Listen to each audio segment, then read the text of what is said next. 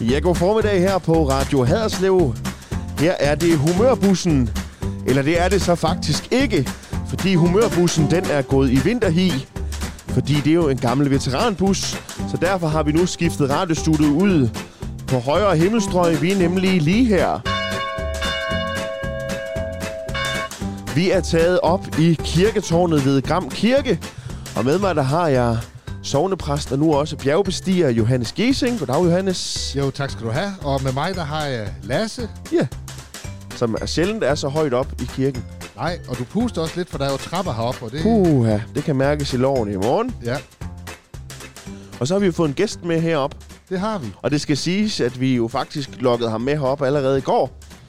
For ligesom at, at se på faciliteterne. Ja. Fordi tanken er jo her, at øh, vi hen over vinteren vil besøge de forskellige kirketårne rundt omkring. Ja. Det er heldigvis ikke frostvejr endnu, men det kan godt være, at vi får et problem hen i løbet af januar. Det tager vi, når det kommer. Ja. Men vi fik slæbt op, eller alt udstyret op, og vi fik lavet sat stole op. Vi sidder på sådan nogle fine klapstole heroppe i tårnet, hvor der jo er kirkeklokker, gammel tømmer og et flot murværk. Spindelvæv. Spindelvæv og alt muligt. Ja. Det er faktisk et flot rum. Det er, Så, sådan så lidt- nu kalder vi os selv for øh, humørtårnet. Det er humørtårnet, ja. Øh, ja, vi arbejder, det er en arbejdstitel. Øh, vagttårnet var taget. ja. Vi Øh, søgte på det vi på søgte nettet. på det, ja. men øh, den var taget. Så humørtårnet Men- eller humørbussen. Men udover at vi havde fået stole og udstyr og alt muligt med heroppe i tårnet, så havde vi også fået en gæst med heroppe. Og øh, alt var klar, vi sad med mikrofonerne, Mm. og så trykkede du på knappen på maskinen. Hvad skete der så, Lasse? Der skete ikke, ikke, ikke en fin, det jo der kommet fint lys i, men øh, Men det var også det. vi optager jo på sådan en øh, mobil radiooptager, og øh, der ville vores hukommelseskort ikke, som vi ville. Så jeg har været hjemme på værkstedet og skrue og skrue Ja. en frygtelig masse skruer for at få det på ret køl. Men nu er den klar, Nu er den klar igen. håber vi.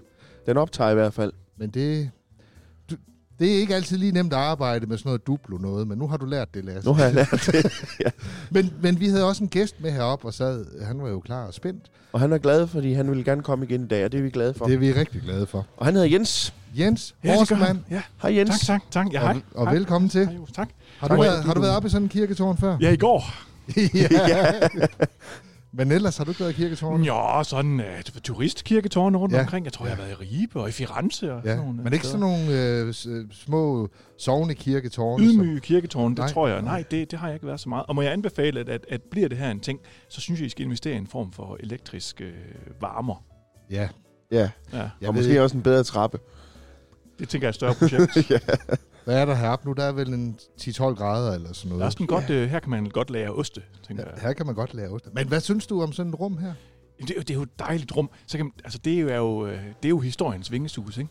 Ja, det må man jeg, jeg, sige. jeg, jeg, synes måske, okay, vingesus, det er måske egentlig så meget sagt. Men prøv, at Jeg bes- har- prøv at beskrive, hvad du ser her. Jamen, vi sidder jo i, øh, i hvad der i virkeligheden er et meget mindre rum, end jeg havde troet, det ville være. Sådan en kirketårn ser jo meget stort ud udefra, men det har Ja. også noget at gøre med, at murene jo optager De er relativt tykke en i sådan et... procentdel af pladsen. Øhm, og, øh, og så er der jo noget, en helt fantastisk tømmer. Sådan en, en trækonstruktion, som jeg tænker er meget, meget gammel. Og nogle, nogle, nogle træer, som tydeligvis er blevet fældet for ualmindelig lang tid siden. Ja. Og der er noget meget dejligt i, at man ved, der er nogle mennesker, der for, jeg ved slet ikke, hvor mange generationer siden, de har sat det her op, og det holder bare. Det holder. Der er sådan noget meget solidt og trygt i det. Altså jeg vil tro, tårnet her det er er 500 år gammelt, så, så noget af tømmeret er nok også der omkring. Ja. Og sådan et, et tårn, jeg synes også, det fortæller sådan en, altså sådan en gammel bygning, fortæller en masse historie i sig selv. Der er sådan nogle, ja i dag vil man jo kalde det graffiti, men der er nogen, der har skrevet, det er nok gammel snedkermester. Der står en her, herovre, Ja. hvor jeg kan se. Der står Knud Mikkelsen, Og han har sikkert været oppe og reparere noget i, garanteret. i 50'erne eller et eller andet. Og da de satte klokkerne op, der har der jo også været en masse arbejde. Ja, fordi det hænger der jo heroppe. Der hænger jo to øh, temmelig store kirkeklokker. Prøv at trække den der stålvejer der. Det tør jeg da ikke. Det lyder flot. Magle. Ja. Der er sådan to store kirkeklokker, Ja. de vejer omkring 500 kilo Jeg stykker. er en lille smule bekymret for, at de begynder at ringe sådan for alvor. ja, det skal du ikke være bange. Det er vi også. Men er øh, vi har ikke hørt om noget. Nej, men hvis, hvis, hvis de gør, så skal vi kaste os ned på Så gulvet. skal vi ned. og, og holde os for ørerne. Men, men sådan er det jo med, med bygninger. Kirken, den fortæller jo sig selv nogle historier, kan man sige, og tårn kan fortælle nogle historier. Og øh, du skal også snart ned i en bygning, som fortæller en masse historie. Oh, det er jo, ja. Ja, du bliver også snart historie i Gram. historie i Gram. er allerede lidt en historie. Ja. Fordi det er jo meningen, at du snart skal være den nye forstander, leder, nede på... Ja, du skal næsten selv fortælle det. Jamen det, det er jo rigtigt. Jeg, øh, jeg står i, i sådan en øh, et, et spøjs situation, hvor vi er flere herunder dig, Johannes, som jo øh, prøver at starte en ny højskole i Gram. Ja, hvor skal den ligge henne? Og den skal ligge i det gamle sygehus, Det er der, der de sidste 20 år har været efterskole, men som jo tydeligvis stadigvæk øh, er et gammelt sygehus. Ja. Og, og det arbejder vi jo meget intens på, og så er der nogen, der synes, at, at, øh, at det skal jeg stå i spidsen for, Ja. når, og, og få det til at få det, for det, for kørt, for det kørt i mål og få skabt en, en, en god højskole der. Ja, fordi hvad er det, du ved om højskoler? Jamen, Mere jeg- end du ved om sygehuse. betragteligt mere, end jeg ved Ja. om sygehuse. Ja. Og det, men det siger så heller ikke så meget. Jamen, jeg, øh, det, helt kort, så har jeg jo, jeg bor i Røding, Ja. som ligger 10 km nord for Gram. Og grunden til, at jeg bor, jeg er ikke fra Røding oprindeligt, jeg er oprindeligt fra Viborg. Men jeg bor i Røding, fordi der, øh, der blev jeg i den skære alder af 28 højskolelærer på Røding Højskole, og var med til at, øh, at genstarte den, da den skulle genstarte fra øh, som fuld Phoenix der i, øh, i midten af nullerne. Ja. Øhm, Jeg var nemlig ved at lukke. den var fuldstændig, og det er en lang historie, Ja, ja, den, ja. og den kan vi bruge hele tiden på at snakke Ja. ja. men det skal vi ikke. Øhm, der kom jeg ind og, og blev der, og var der i 12 år. Ja. Ja. Og har så i den forbindelse lavet alt, hvad man kan lave i højskolebranchen. Ja. Ja. Øh, har siddet i bestyrelsen for foreningen, og jeg har taget en højskolepædagogisk efteruddannelse, og har været med til at skrive en bog om højskolepædagogik, og jamen, øhm, Du har en, en, en lang erfaring der. Og, men hvordan ender du der? Fordi, hvordan bliver man højskolemand? Hvordan øh, var din vej ind? Den er lidt speciel, ja. Ved jeg nok. Har du Jamen- selv gået på højskole? jeg har faktisk selv gået Ja. på højskole en gang i tidernes morgen. Øh, Jeg skal skal man sige, jeg kommer ikke fra et højskolehjem. Nej. Øhm, jeg kommer fra, mine forældre, de er begge to advokater. Ja, selvstændige erhvervsdrivende. Så hvad og, blev øh, du? Ja, så blev jeg jo jurist. Ja, social arv, social, Social arv, arv. den tynger, men sådan er det jo. Han, det ved du også. det kan være svært at bryde den sociale arv. ja, jurister og teologer og læger, Ja, også, ja, deres ja. forældre, de jo... Øh, men det blev jeg, og det var jo sådan en øh, klassisk... Øh, jeg startede ind med at læse historie i tidens morgen, men, øh, men så droppede jeg ud af det, og, og da jeg ikke kunne finde på andet at lave, så lå det jo lige for, Ja. og som, som fatter og mutter gør. Så, Vi havde jo så, bøgerne derhjemme, så var det jo det, nemt nok. det, det var jo bare lige at spare de penge. Ja. Så, øh, så nej, så blev, jeg blev jurist. Øh, men, øh, men det er ikke et hjem, hvor, øh, hvor man tænkte frie skoler, eller øh, højskole, eller efterskole. Og, så, det ja, så, så, så, og det var faktisk min mor, der foreslog, at jeg skulle tage på højskole. Og, men det var, altså jeg gik i gymnasiet, så, så tænker jeg, at jeg skulle være skuespiller. Ligesom halvdelen af alle gymnasieelever Jo. tænker. Øh, og så tog jeg selvfølgelig på, øh, på teaterhøjskole i Herning. Ja. ja. så den er lukket nu desværre. Det har ikke noget med mig at gøre. Men, øh, og det var en, øh, på mange måder en livsændrende oplevelse. Jeg var der i fire måneder og 12 dage, og, øh, og der er et, et, et før og et efter for mig, øh, for det højskole der. Det var øh, en, en udvidende oplevelse. Øh, det var meget, meget interessant. Og så endte jeg alligevel med at læse jura, og, og det skulle jeg nok aldrig have gjort. Men det gjorde jeg. Du blev jurist. Jeg blev jurist. Jeg, er også en, altså, jeg har en ganske udmærket eksamen, det er sådan set slet ikke Ja. det. Men, øhm, men øh, da jeg så var færdig med at læse, så havde jeg egentlig fundet ud af det de sidste par år på universitetet, at det der jura, det interesserede mig faktisk ikke særlig meget. Og, og, og altså, jura er jo ikke intellektuelt set et særligt besværligt studie. Altså, hvis man sætter sig ned, jeg plejer at sige, at jura det er 10% forstand og 90% røv. Altså, hvis man, kan, hvis man kan sætte sig ned og læse op til eksamen, Ja. og, og lære tingene udenad, så, så klarer man sig godt. Og det, det kan jeg godt. Det er måske lidt farligt udtryk. Det er jo også lidt der- det der- samme der som er jo mange- skuespiller jo Ja, faktisk. Det er ja, jo også meget ja. udenadslærer. Ja. Så det, på Ja. den måde faldt det jo ikke så langt fra hinanden. Nej, jeg tænker det der med at sige, at det er 90% røv, det er da også lidt farligt at sige. Jeg ved, der er rigtig mange kvinder, der læser jura. Puh, ja, lige Ja. den tid. Lige denne tid. tror jeg. Puh, ja. Nej, men du blev... Jeg blev jurist, Ja. og så stod jeg der og havde undervist, begyndt at undervise lidt på universitetet. Øh, og så havde jeg lavet mit eget, der hedder Jura for Begyndere, hvor jeg tilfældigvis var kommet til at øh, komme rundt på efterskoler og gymnasier og lave Ja. nogle foredrag. Og, øh, og det, det var sjovt, og så tænkte jeg, det kan man da, det kan man da leve af. Det kan man ikke, viser det sig. altså, det er jo, Det, der, og kiggede du så lige, det kunne man ikke. Nej, det, kunne, man- det var ikke, fordi jeg ikke kom ud og gjorde det, men altså, at for at leve af det, så skal man jo holde så mange foredrag, og det er helt urimeligt.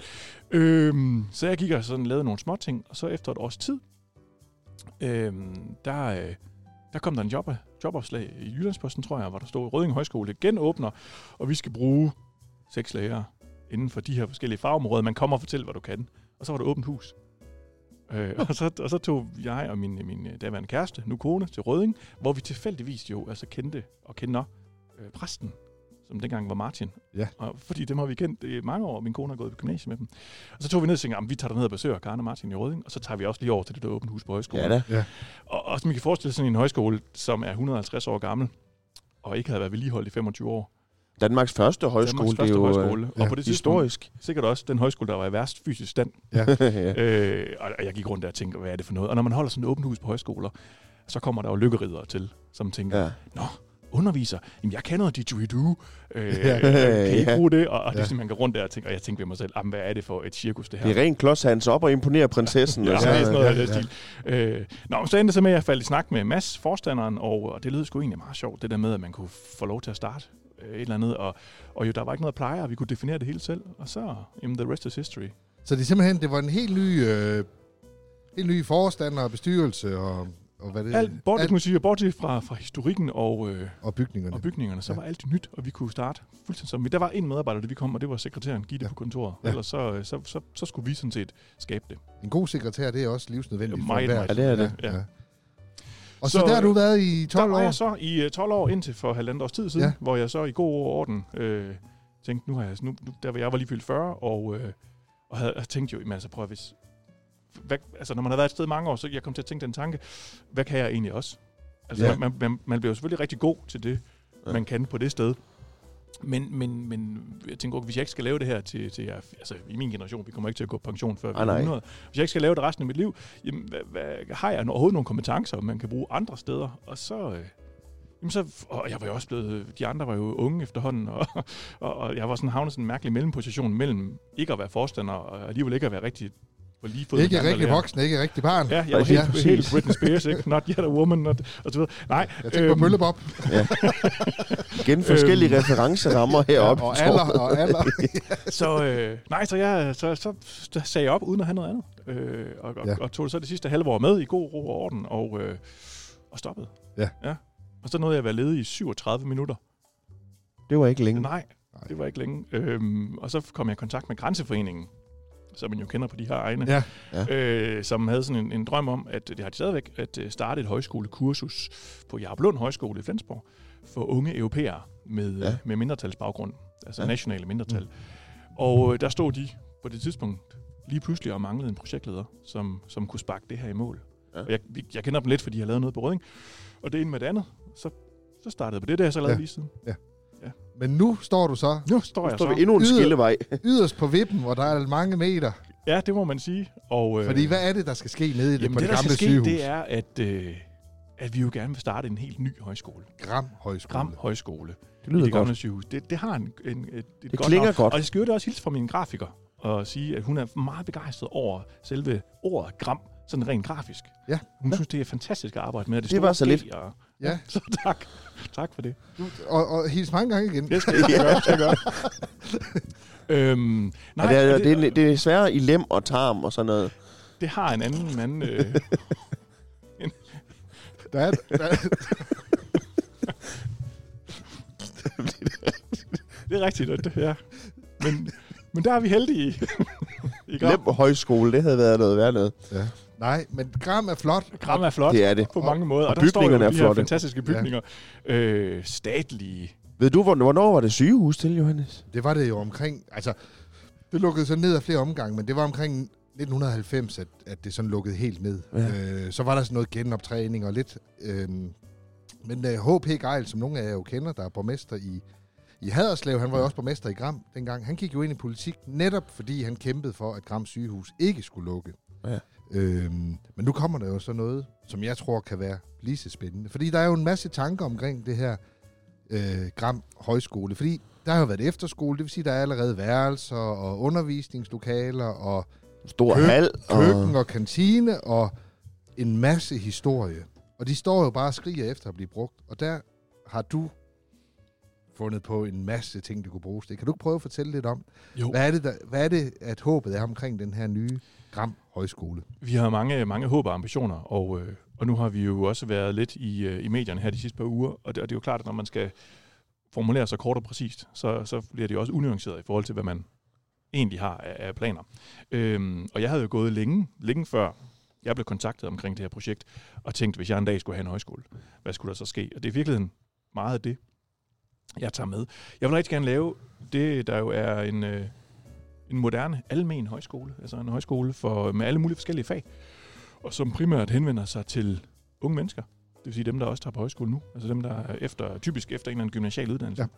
Ja. Øhm, og de skal på Gram Højskole, fordi at vi kan tage nogle, øh, jeg vil tage nogle emner op, som jeg synes, man skal lade være med at jagte en tidsånd, og, samtidig så skal det også være aktuelt. Øhm, så jeg vil lave nogle linjer, der handler om mad og Ja. om jord. Ja. Det synes jeg er fantastisk. Det er i vi, hvert vi, kan, vi kan godt lide mad. Jeg kan også enormt godt lide mad. Og, Og jord er det også fint nok.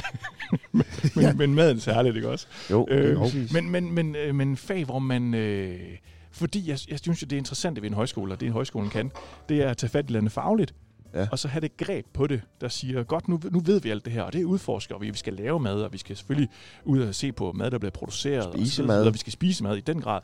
Men, men det greb, en højskole kan, det er jo at tage det op på et, kan man sige, et højere niveau og sige, godt, hvorfor spiser vi så på den her måde? Præcis. Og hvad, hvad fortæller det om os som, som mennesker? Altså mad som kultur, og mad som... Historie. Ja, og I dannelse. kan jo bruge måske. Johannes og jeg som sådan en case og sætte, op og sætte os til at spise kage. Ja. Og så, øh, Og så hvorfor se- spiser de på den måde, de gør? Hvorfor er det så usiviliseret, som det egentlig Ja. er? Ja. Selv højt uddannede mennesker, ikke? Som, Og hvor- som, Ja. Og hvorfor ser de ud, som de ser ud? Ja. hvorfor har de så svært ved at gå op, og det er skide trappetårn, ikke? Ja. Øhm, Altså mange taler om de her corona-kilo. Hvis man ser på mig, så har det været corona i mange, mange år efterhånden. eller corona-tons. Ja, lige præcis. Øhm, Men det er jo sådan noget med mad, og jeg tror, for man kan jo sige med unge mennesker, og der hvor, hvor diskussionerne ligger, det er jo omkring mad, og det fører jo noget ind i historie og, og, og kultur. Men jo også øh, en gren, som jo fylder rigtig, rigtig meget i de her år, ikke? Altså, at vi skal spise på en anden måde, Jo. for at kunne... Øh, at jorden kan brødføde alle simpelthen. jeg kan sige, at mad er jo vores mest grundlæggende vane. Og derfor Ja. ja. bliver det også, og det er jo det, der er så interessant ved det, når vi begynder at snakke om mad, så bliver det meget hurtigt meget... Det bliver også følelsesladet. Og, øh, og jeg synes, at de bedste eksempler på det, det er, hvor meget man i Danmark har hisset sig op over debatten om, hvordan man skal spise i børnehaver. Ja. Altså det blev jo... Ja, for Jeg det. kan huske, om det, altså, jeg, nu kan jeg ikke huske, hvor i Danmark det var. Sikkert Randers. Ja, det var Randers. øh, hvor man havde den her debat om, man skulle altså, tvinge daginstitutioner til at servere svinekød i, i sådan en, altså, som jo er en, en, en integrationspolitisk øh, debat i virkeligheden. Naturligvis.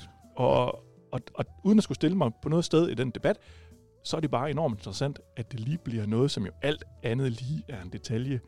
Men det kommer til at føle sig meget, fordi mad er, er symbol. Øh, når, man spørger, spørg, når jeg spørger mine børn, hvad skal der ske til jul? Og det første, de siger, det er jo, hvad man spiser. Ja. Altså, Det er mad, rigtigt. mad har jo bare i årtusinder været en, en kulturel markør. Ja, Og i derfor- forhold til, når vi mødes sociale ting, der er altid mad involveret. Alene det, der ikke er kaffe lige nu, Ja, det er jo- præcis. det er jo faktisk Jamen det altså, det- helt, øh, lige Og i forhold til, hvis man inviterer en sønderjyde på, kage, eller på kaffe, hvis det så ikke mindst er to slags kage, så er det jo også for galt. Altså, Det er Altså, vi kan sige, det, det fylder, og det fylder ikke kun i, i, i kultur i Danmark, det fylder jo i hele verden. Ja. Der er det jo, jeg, var, jeg boede i Italien i, i, i et, par måneder, og, øh, og der er simpelthen nogen i Italien, der spørger, i stedet for at spørge, hvis de møder en fremmed, om hvordan går det? Ja. Øh, og ligesom man kan høre, man, når man er fra udlandet, så spørger de sådan helt kælen, Nå, synes du ikke, man spiser godt her? Det, Ja. Jo, men, det er da et mærkeligt spørgsmål. Det er da også dejligt. øhm, Og sønderjyder er jo især glade for mad. Ja. Der er mange mad. Jeg har tænkt, tænkt på sønderjysk tapas som en ting. Ja. Der er så mange gode øh, råvarer i ja, jamen, Sønderjylland. det er der, det er der. Så, jeg var så, med øh, på et tidspunkt, øh, Sønderborg, hvor jeg kommer fra, de kæmpede jo for at blive europæisk kulturhovedstad øh, tilbage i, det var så i 2017, det, ja. Ja. det var så Aarhus, der vandt, men der var Sønderborg med i kapløbet sammen med Aarhus, og der var der sådan en europæisk jury på besøg i Sønderborg, der var jeg med som kulturperson i Sønderborg til det her møde med de her, den her jury fra hele Europa.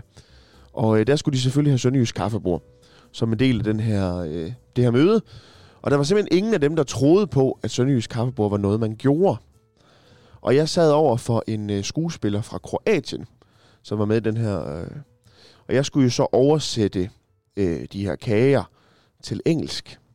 Og det er nemt nok øh, noget af vejen, indtil jeg kom til øh, øh, den sønderjyske kage, der hedder Ingenting, som jo så blev til It's Nothing. Og så er der den, der hedder knæpkager. Øh, Yes. Yes. Og så kan man se, hvad det bærer sig hen af. Ja. Men de troede simpelthen ikke på, at, at der fandtes øh, arrangementer, hvor man mødtes og spiste så overdådigt. Men det gør man i Sønderjylland. Og man kan sige med det sønderjyske kaffebord, hvis man sådan skulle tale med at løfte op i, hvad, mm. hvad er det, det kommer af? Det var jo en, en modstandskamp Ja, ja. Øh, under tysk tid, hvor man mødtes, og så spiste man alle de her kager her. det er en krig, jeg og- godt og- vil være med og, i. og, det, og, og det er jo netop, altså, Altså, vi kan se, man skal bare, vi, kunne fylde alt det her med alene snak om Ja. mad og hvad det Ja. betyder. Og, og så hørte jeg her for nylig, øh, der var en eller anden, der citerede noget fra det gamle Rom, altså lige inden romeriet ligesom Ja. helt faldt sammen, Ja. at, øh, hvor, hvor, nu kan jeg ikke huske præcis citatet, men der er en eller anden, en eller anden gammel romer, som skriver, at da man i Rom begyndte at, at fokusere, fokusere mere på kokke, end på, end på nationsførelse, så Ja. gik det galt. Det er Og, rigtigt. og så kan man jo tage en parallel lige nu og sige, men altså, nu har vi et, altså et, et molekylært køkken og så videre. Altså begynder vi Ja. at gå mere op i, hvordan vi laver bobler af olie, end, end hvem der har hvem der er fattig. Altså, så det, er Jamen, det er rigtigt nok. det, det er pisse interessant, ikke? Det tror jeg også. Men, men som jeg forstår, så, så er det også, øh, altså man skal arbejde med mad, for eksempel, og jord, øh, om dens kultur og, Og der er. Gram et godt sted. Der er jo et kæmpe økologisk landbrug Kæmpe omkring øh, Gram. Men det, og, og det er jo det der med både at tage hovedet med, og så også få hænderne Ja. i det. Er det ikke Ja. det, der Jo. ligesom er Jo, en tanke også? Ja. Og det er jo også, øh, og det er jo, altså nu nævner jeg ikke så meget jordfad, øh, det er præcis det samme princip, ikke? Hvor, hvor omdrejningspunktet så bare er, er landbrug, og hvordan vi, vi dyrker landet. Men ja, det er også det der med, at man vil, vil, vil, vil prøve det af, altså i mad. Det vil sige, at man have, jeg forestiller mig, at undervisningslokalet er et køkken. Altså Ja. et, et rigtigt restaurantkøkken, som, som vi har mulighed for at lave. Og det samme med, med landbruget. Altså når man har det her kæmpe store Ja. landbrug i baghånden, det er, at man kan komme ud og prøve det af. Øhm, og, og, og det, vi jo, det, jeg ser rundt omkring på højskolerne, dels på Rødding, hvor jeg kom fra, men andre også, det er, at de her højskoleelever, som jo i vid omfang er øh, bogligt orienterede, de er, de er ret intellektuelle og vil Mhm. gerne læse ting med deres, med deres hoveder. Men, men når der så kommer de her fag, hvor de kan komme ud og prøve at dyrke og tage ting op på jorden og lave mad, det vælger de jo. Altså 30, 40, 50 procent af sådan et Ja. hold vælger jo den slags fag. Og, og det er jo også det, der overviser mig om, at det er ikke fordi, vi skal ud og have fat i en ny målgruppe, øh, som vil være kokke, eller som vil være landmænd. Det kunne være enormt lækkert, hvis vi får fat i mm. dem. Mhm. Det er slet ikke det, men, men man skal også passe på, at man ikke laver en højskole og tror, at man, man fra starten skal have nogle andre. Nej, men dem, der i forvejen kommer på højskoler, vil rigtig gerne prøve det her. Ja. Fordi det siger mere om bare, end, end bare det at gøre det. Det er ikke bare en hobby. Og er det på den måde, I adskiller jer fra andre højskoler? Eller hvordan... Øh, Ikke, jeg vil sige ikke lige med, med det. Jo, altså i den forstand, jeg, jeg tror, vi kan gøre det her. Det ved jeg, vi kan. På et ambitionsniveau, man ikke kan andre steder. Det er at have så Ja. stort et landbrug i baghånden. Men det er jo ikke fordi, at mad og jord ikke også øh, Nej, nej, nej, nej, det er fylder på andre højskoler. Øhm, Og et stort landbrug, det skal vi næsten lige nævne, det er jo fordi, at det er Gram Slot, vi tænker Ja. på. ja. Danmarks største økologiske landbrug, så vidt jeg ved. Som jo... det siger Svend i hvert fald. Som de fleste jo kender fra Rema 1000-kæden, som jo har alskens ting og sager, der står Gram Slot på. Og Gram Slot, de er jo en, en stor aktør i det her. Netop i hvert fald det der med, med mad og med, med jord. Det er- Ja, og, og generelt en kæmpe kulturinstitution i Gram også, ja, med, Ja, det er de. med masser af messer og koncerter og så videre. Men sådan med højskolen, så er det der, de vil... Ja. At der skal Gram Slot være... En, en væsentlig partner jo. Den smarker skal være et undervisningslokale også. Ja, men det, og det, det skal det jo. Ja. Og, og det er jo heldigvis, så synes jo Gram Slot, øh, at, at det er skide fantastisk. Og det vil de enormt gerne lægge marker til. Hvad, hvad- er det mere linje, øh, at der sådan er tanken nu? Jeg ved godt, det ikke er sådan helt... Nej, nej, nej, nej. nej. Jamen, jamen så, altså hvis nu... Jeg, jeg, tænker, altså, jeg tænker, der skal være tre hovedspor, som alle sammen udforsker det helt grundlæggende spørgsmål, nemlig, hvordan er vi kommet hertil som samfund, og hvor skal vi hen herfra? Det synes jeg er jo det mest interessante spørgsmål, en højskole kan stille sig. Helt bestemt. Helt bestemt. Øhm, og hvor det ene hovedspor handler om mad og jord, og man skal så forestille sig, at der i det her hovedspor, så er der jo, der er jo to hovedfag og en række andre mindre fag. Mm-hmm. Så er der et hovedspor, som skal handle om samfund. Altså noget, noget samfundsfagligt. Det er jo min egen lille baby. Altså, det er jo det, jeg selv har, det har jeg jo selv undervist i, og er jo jurist. Og, og, og et spor, der handler om på den ene side identitet. Øhm, og igen, her skal man passe på, at man ikke jagter en tidsånd. Men, men det er jo også et almengyldigt spørgsmål. Hvis man kigger rundt omkring i verden lige nu, så er der jo nogle identitære bevægelser, altså, som, som stiller, stiller spørgsmålet, hvad, hvad, altså, hvad, hvem er det egentlig, vi er? Hvordan skal vi egentlig definere os selv? Altså, kan man ikke selv få lov til at definere sit køn, for eksempel? Det er jo et godt Mm. eksempel på det her. Øh, vi har sexisme-debatten lige nu, øhm, som jo handler om, at der er nogle, nogle kultur, en kultur, som, som, som, som er nedarvet og fastgroet, som folk gerne vil gøre op med. Altså køn, sex, race, øh, nation, nationer, altså nationalstater, mm. alle de her ting er jo under opløsning og under debat. Og, og det er fantastisk interessant at tage fat på, og, og jeg synes falder lige ind i højskolens kerneområde. Øhm, seksualitet, alle sådan nogle ting. Og, og det, jeg synes er interessant, det er, at man... Eller, en kritik af højskolerne i de sidste par år, synes jeg, at de er blevet for... De har alle sammen taget det her op. Men det er meget woke, det højskolerne gør. Mm. At Det er meget den vinkel, at, at ja, selvfølgelig er alting til debat, og selvfølgelig må du definere dig selv, som du vil.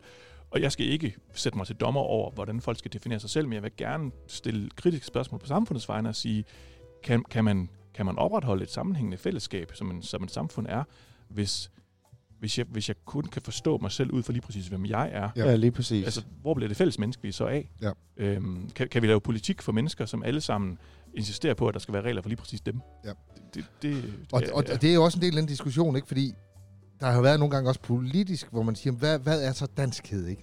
Og det er jo Mm. sådan lige, når man hører det, det er da nemt at sige. Men når man så sådan går lidt i kødet, så, så er det jo faktisk enormt det svært. er enormt svært. Fordi for 50 år siden, der kunne man sige, at det var noget med en fælles historie, en fælles kulturarv, en fælles øh, sangskat. Øh, Danmark Ja, er kirken- Danmarks, øh, verdens lykkeligste folk og sådan noget. Bliver Jo, man jo jo. bumpet ned i hovedet med. jo, jo, men, det, men det, der, der er jo ikke på samme måde mere. Øh, og man kan sige også, at samfundet bliver meget mere består af individer, Ja. som hver danner deres egen lille virkelighed. Hvad er det så, der, der driver os sammen som samfund? Jeg Ja. tror, du er fuldstændig ret, at der, er- der bliver råbt efter, hvad er det så, vi er sammen? Og, og man kan sige, Ja. og, og når man tager den tanke ud til ekstremerne, og det er jo nogen, der gør, så kommer man jo ud til der, hvor det siger, du kan ikke forstå mig, for du er ikke mig. Og, og, og, og det lyder fjollet, når det, når det er mig, sådan en hvid eller en hvid mand, der sidder og siger det, men det, er jo- men det er jo der, hvor man siger, hvis du ikke er sort, så kan du ikke forstå sortes problemer med racisme. Hvis du ikke er homoseksuel, så kan du ikke forstå. Mm. Og, og det er jo bestemt, fordi jeg, jeg anerkender, der er jo ikke nogen, der ikke siger, at okay, selvfølgelig har sorte eller homoseksuelle erfaringer. Jeg ingen lunde har gjort mig. Mm. Men hvis man altid siger, du kan kun forstå et andet individ ved at være ligesom det individ, Ja. Jamen, hvor, altså, Hvor kommer vi så hen? hvor, hvor, hvor skal Ja. du så hen? Altså, hvordan skal vi så nogensinde kunne bygge et sammenhængende samfund? Mm. Jamen, det er nemlig det. Og jeg tror, at, øh, at man taler jo tit om tolerance. Og jeg tror i virkeligheden, det er den her tolerance-tanke, som er blevet øh, ekstrem. Fordi tolerance, hvad betyder det i virkeligheden? Det betyder, du må mene det, du vil, og jeg må mene, hvad jeg vil, og jeg er sådan set ligeglad med resten. Øh, sådan hårdt stillet op, ikke? Hvor jeg, jeg kunne godt tænke mig, at man arbejdede hen imod en frimodighed, at man tør stille sig frem og sige, hvad jeg står for, og tænker og tror, velvidende, det også er din ret. Øhm, fordi jeg synes, at, at den der øh, forpligtelse, der er for hinanden, selvom vi er forskellige, den er under pres. Så bliver det bare, at jeg tolererer dig. Det er fint nok. Du er okay. Men hvad du vil. Og det er jo egentlig død ærgerligt Ja. og trist og fattigt. Øh, vi skal et andet sted hen, hvor man tør stille sig frem og sige, hvad jeg tager for sandt.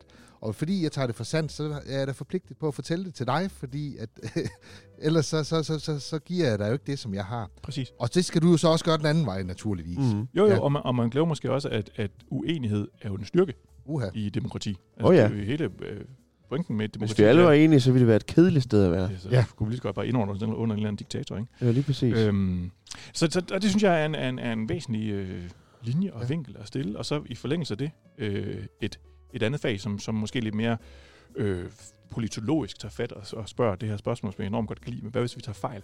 Ja. Øh, og kigger kritisk på, øh, på de ting, vi ellers tager for givet. Øh, demokrati. Altså, jeg synes, det, jeg synes, det, jeg synes, det her, synes i mange år i mine timer at gå ind og det er sjovt at provokere mine elever og pille ved deres fuldstændig altså fastlåste opfattelse af, at selvfølgelig er demokrati godt. Så okay, lad os prøve at kigge rent Mhm. teoretisk. Der er en masse lort i demokrati. Altså, det Uha. er værre bøvl. Øh, og, og det, ah, kapitalisme og sådan nogle ting. Og, og, det, og det er nemt nok. Det kan eleverne godt sidde og sige, ja, et år, kan, det kan jeg sagtens se problemerne i. Men så hvis du begynder at prikke til dem og sige, okay, øko, økologi.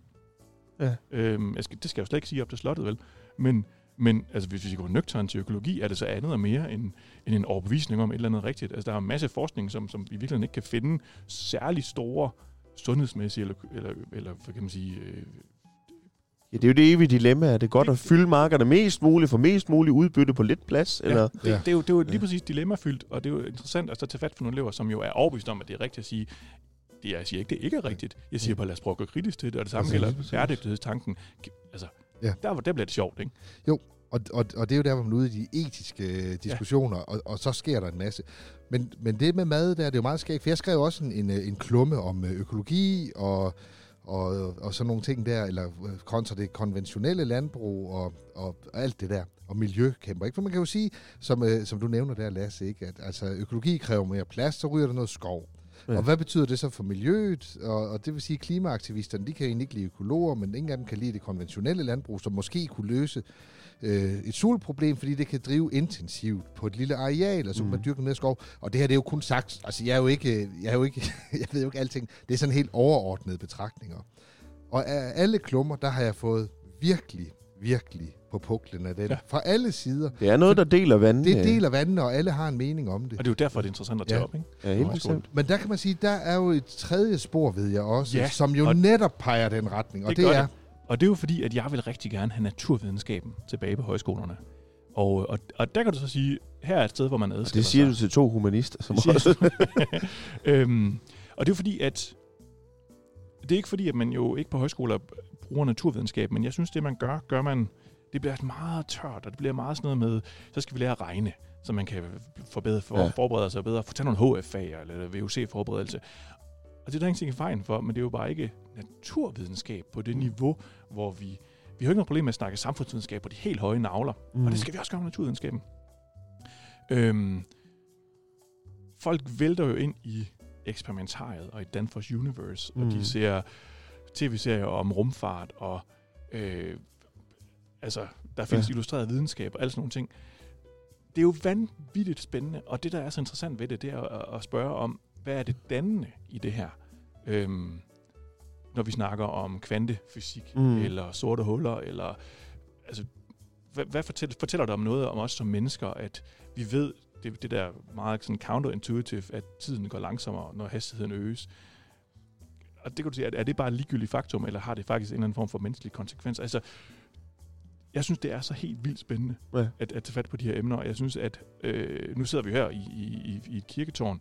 Øhm, hvis, hvis, vi, hvis det viser sig, at, at det hele slutter, og universet lider en varmedød om, jeg ved ikke, hvor mange milliarder år, hv- hvilken værdi har det så? Altså, betyder Mm. det så noget for... for altså, er, det så, er det så essentielt set ligegyldigt at være menneske, hvis det hele alligevel bare forsvinder? Det er, det er nogle spørgsmål, som man kan bruge naturvidenskaben som server til at tage mm. De diskussioner. Det synes jeg bare er vildt spændende. Ja. Og, og, og det, man har, synes jeg har savnet på højskolerne, det er netop at tage det der almene greb på naturvidenskaben. Og, og, og ture tage nogle enormt dygtige forskere, matematikere, fysikere, biologer ind, som, som tør lege med det her og sige, vi ved alt det her, men hvad så? Ja. Det vil jeg enormt gerne. Der findes jo ham, og nu kan jeg si- sidde lige og lede efter navn. Hvad hedder ham der, der også fortæller, der har sådan lidt skæg stemme, der også er i DR2. Øh, ham den teoretiske øh, fysiker der, øh, Holger. Ja, Hol- Holger ja, Bæk. Ja, Ja. og han, han kan jo lige præcis det der med, altså han kan jo gennemskue ting, som ja. Ja. almindelige hjerner har svært ved at se. Men han, han kommer jo også ind nogle gange med en tolkning eller en forklaring. Hvad betyder det så, at menneskelivet ligegyldigt, at universet sådan set Mm. ligegyldigt, hvis der findes uendelig mange universer osv. Ja. osv., osv. Og, og det gør det jo bare ekstremt spændende. Der er det spændende. Ja. også? Jeg er helt enig. Øhm, og, og samtidig med, at det jo også er fag, som vi synes er bort fra den helt dybe almindelige tanke, så er det også bare nogle fag, der giver en lov til at lege. Ja. Der, der giver lov Og til tænke at se nogle store tanker. Ja, ja, ja. Og se nogle sammenhænge. Og, og, Helt generelt har mennesket altid været interesseret i det, vi ikke helt kan begribe, og det, vi ikke kan forstå. lige nøjagtigt. Og det, kan, det er der plads til at tænke i gram. Ja, det bliver det. Det bliver der plads til at tænke i gram. Men også når du fortæller, altså det, det, det lyder også som om, at du gerne vil ligesom tage højskoletanken, øh, som har været i 150 år eller mere, altså, og så øh, koble den sammen med sådan en hverdagserfaring. Øh, Ja. Og fordi det kan man sige, det- var det jo også helt oprindeligt. Det var Ja. jo bønder, der, de skulle ind og dannes lidt og oplyses om, hvad det var for et land og kultur og, og sammenhæng, de stod i. Og så kom de så ind øh, til Christian, Christian Kold ude Ja. i Dalum, og så var de ude at arbejde på markerne, og så når, når han kom i tanke om et eller andet, så, så ringede han vist nok med en klokke, og så kom de ind, øh, alle de her gode folk ude fra landet, og så fortalte han lidt om et eller andet. Ikke? Og, Det kan du øh, gøre her, så kan du bare ringe til os, så skal vi nok trække i snoren for dig. Og jeg har også fjernbetjening. Ja. Ja. Men, men det kan man sige, det er jo den der tanke om at binde øh, arbejdsliv og hverdagsliv sammen med, øh, med øh, højskolens øh, Om, op, om oplysningstanken, ja, ikke? Jo, præcis. Ikke? lige præcis. Men, men der er jo også en hel gruppe, som du håber på, Ja. vi kan få trukket, eller du kan få trukket ind på, på højskole. Nogen, der ikke er så tit på højskole. Det er Og den, den vil jeg godt lige have lov til lige at smide en break ind, fordi vi er jo uden for tid her. Men jeg tænker simpelthen, at vi fordeler det her over to programmer, gør vi ikke det? Så lukker vi ned her, og så starter vi op igen. Ja, det gør vi. Så kan det her være sådan en teaser, at vi det er en helt speciel gruppe mennesker, som skal lytte med på Radio Haderslev om en uge. Men det er det, vi gør. Det er det, vi gør. Og øh, jeg synes, du trækker to gange i gongongen. Jeg trækker i gongongen. Og I kan lige få sådan en at gå hjem på. Og det er humørtårnet, der takker Det er af. humørtårnet. Vi ses næste gang. Vi snakker videre med Jens. Ham sidde her i tårnet en uges tid nu. Ja. Der er jo dejligt lunt, har vi hørt. Vi ses næste gang på Radio Haderslev til Humørtårnet, Humørbussen i tårnet. Ja, det kan være, vi finder på en bedre titel med tiden. Indtil videre skal I huske, at I altid kan finde de gamle afsnit af Humørbussen inde på radiohaderslev.dk. Og det er også muligt at gå ind på vores Facebook-side Humørbussen med Gesing og Sørensen. Der kan I se lidt behind the scenes, billeder fra kirketorven, kirketårn, blandt andet. Øhm, vi ses næste gang på Radio Haderslev til Humørbussen.